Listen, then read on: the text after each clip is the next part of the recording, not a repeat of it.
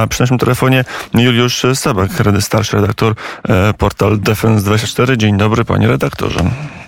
Dzień dobry. Mm, I budzimy się o poranku z informacją, która wczoraj mm, trochę zelektryzowała mm, z media dziennikarzy, którzy się zajmują obronnością. Najpierw pojawiły się zdjęcia, a potem krótka konferencja wicepremiera, ministra obrony narodowej Mariusza Błaszczaka o tym, że są w Polsce Abramsy. Wiemy ile ich jest, co to są za czołgi i do czego będą służyć?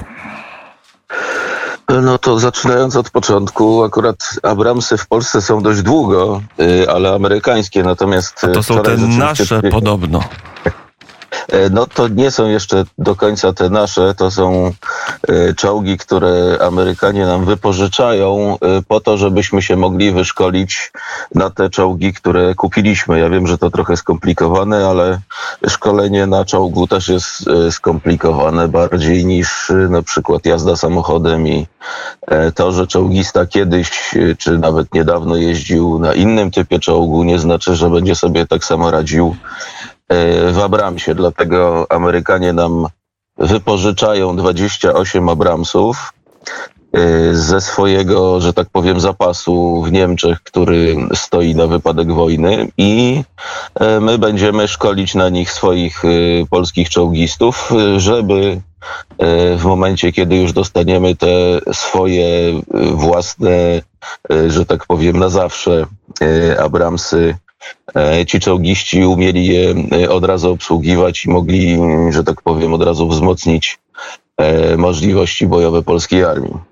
Pewne zamieszanie spowodowało to, że z jednej strony były zdjęcia Abramsów i to w odpowiednim leśnym e, kamuflażu, bo częściej znamy Abramsy pomalowane do e, działań na terenach Bliskiego Wschodu czy terenach pustynnych, e, podzwrotnikowych, a tu mamy, mieliśmy zdjęcia czołgu, który jechał, jakby miał służyć w Polsce, bo będzie w Polsce służył na poligonu do działań ćwiczebnych, a jednocześnie pojawiły się informacje bardziej szczegółowe co do zakupu zakupu kolejnych stu kilkunastu, stu szesnastu Abramsów w trochę osobnym trybie, czy zupełnie osobnym trybie od tego, który obejmuje kupienie 250 dla Polski. Stąd wczoraj tyle informacji o Abramsach. Panie redaktorze, to skoro tu mamy informację, że przyjechały te Abramsy, na których mamy ćwiczyć, to co oznacza i co wiemy na temat tego dodatkowego kontraktu na Abramsy dla polskiej armii?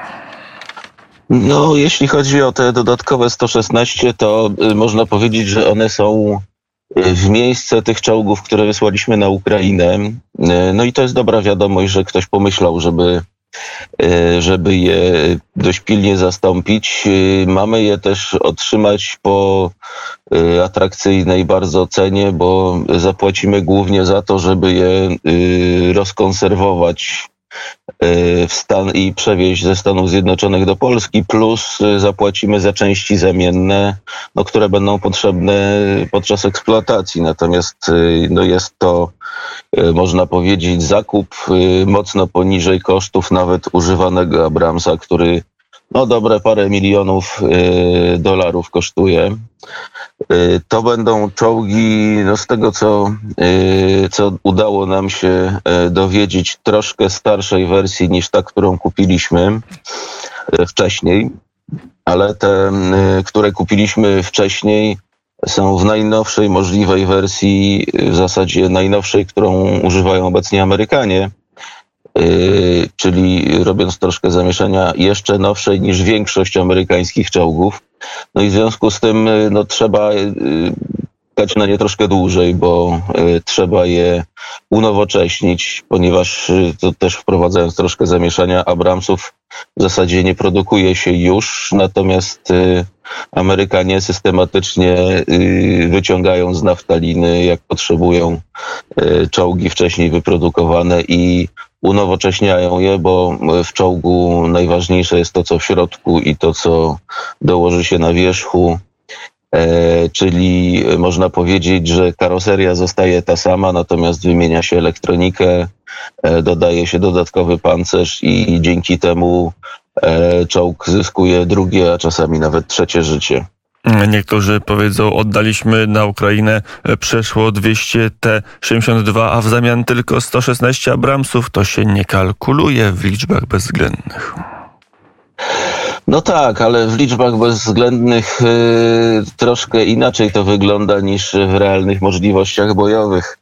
Jak sobie porównamy takiego T-72, zwłaszcza w takiej wersji, którą myśmy mieli, a myśmy mieli taką troszkę biedniejszą y, wersję eksportową, e, i to y, w standardzie powiedzmy z lat 70., E, no to porównanie tego z Abramsem, który y, więcej waży, bo jest silniej opancerzony, lepiej chroni załogę, ma dużo nowocześniejszy, y, tak jak mówię, ten elektroniczny wkład, czyli na przykład y, sprzęt, który pozwala widzieć w ciemności, strzelać podczas jazdy, łączyć się z innymi czołgami w sposób bezpieczny E, posiada e, pancerz e, no, bardzo nowoczesny, wielowarstwowy, zawierający też warstwę ze zubożonego uranu, który jest bardzo twardy i bardzo trudno go przebić.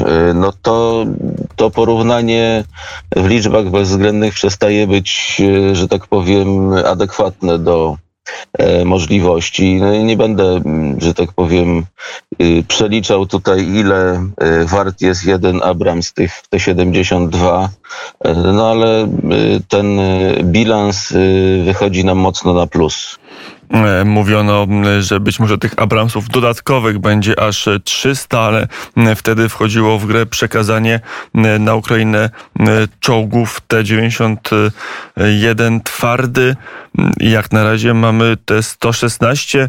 To jakby kończy dyskusję, to już bardziej mniej pytanie o fakty, a bardziej o spekulacje, ale tych spekulacji co do czołgów było dużo i być może coś wiemy na temat tych zakulisowych rozmów między Polską a Stanami.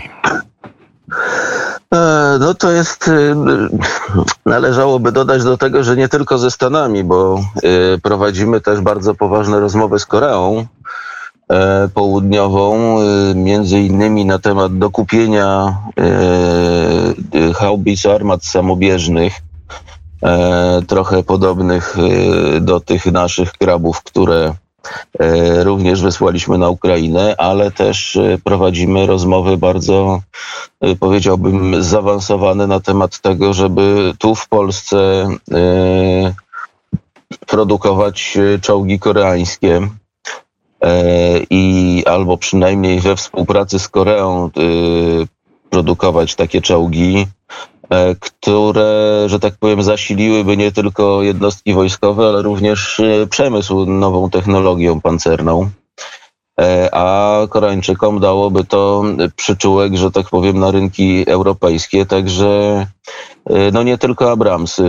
Wygląda na to, że będziemy mieli i Abramsy, i koreańskie czołgi K2, być może w przyszłości w jakiejś wersji bardziej polskiej, bardziej dostosowanej do naszych europejskich Właśnie e, specyficznych tu się, tu się pojawiają, tak jak wszędzie e, przy zakupach sprzętu dla armii, czy prawie zawsze duże wątpliwości. Wielu ekspertów mówi, e, importowanie czołgów K2 bez tej polskiej wariancji, bez tego dodatkowego PL, co jest de facto nowym czołgiem, bo nie jest trochę dłuższy, jest w zasadzie robiony od, no, od nowa. To nie ma sensu, bo sam koreański czołg K2 nie spełnia wymagań polskiej armii, nie jest dostosowany do naszych warunków? No ja bym y, nie ryzykował y, aż tak kategorycznych stwierdzeń. Rzeczywiście K2 to nie jest Abrams, ale K2 jest jednym z nowocześniejszych czołgów na świecie. E, rzeczywiście dostosowanym bardziej do specyficznych warunków y, koreańskich, ale e, to nadal jest bardzo nowoczesny czołg uzbrojony w armatę, że tak powiem, tego samego standardu co Abramsy e, i posiadający wiele nowoczesnych rozwiązań, spokojnie możemy go rozwinąć e, do, że tak powiem, do naszych potrzeb, nawet bazując na tej wersji niewydłużanej i aż tak mocno nieprzerabianej. No a jak wiemy, sytuację w tej chwili mamy dość taką kryzysową, Y, na styku NATO i Rosji i zakup takiego czołgu i modyfikowanie go to byłyby kolejne lata czekania na dostarczenie go do jednostek. Natomiast e, kupienie takiej wersji, nazwijmy ją umownie koreańskiej i potem e, unowocześnienie czy dostosowanie do polskich e, wymagań może być zdecydowanie e, szybszym rozwiązaniem, ale też zasilającym Polskę w technologie, którymi tak naprawdę już nie dysponujemy, bo no, od bardzo długiego czasu tak naprawdę e, w temacie czołgów w Polsce działo się bardzo niewiele. Niektórzy mówią, że od momentu, kiedy przyjechały do nas leopardy, które e, trochę zatrzymały program Wilk i doprowadziły do e, pe, pe, pewnego obumarcia polskiego przemysłu zbrojeniowego w segmencie budowy czołgów, ale to już ocena tylko części ekspertów. Juliusz Sabak, dziennikarz, ekspert związany z portalem m, Defense24 był gościem Radia Wnet. Dziękuję bardzo za rozmowę. Dziękuję bardzo, do widzenia. Do usłyszenia.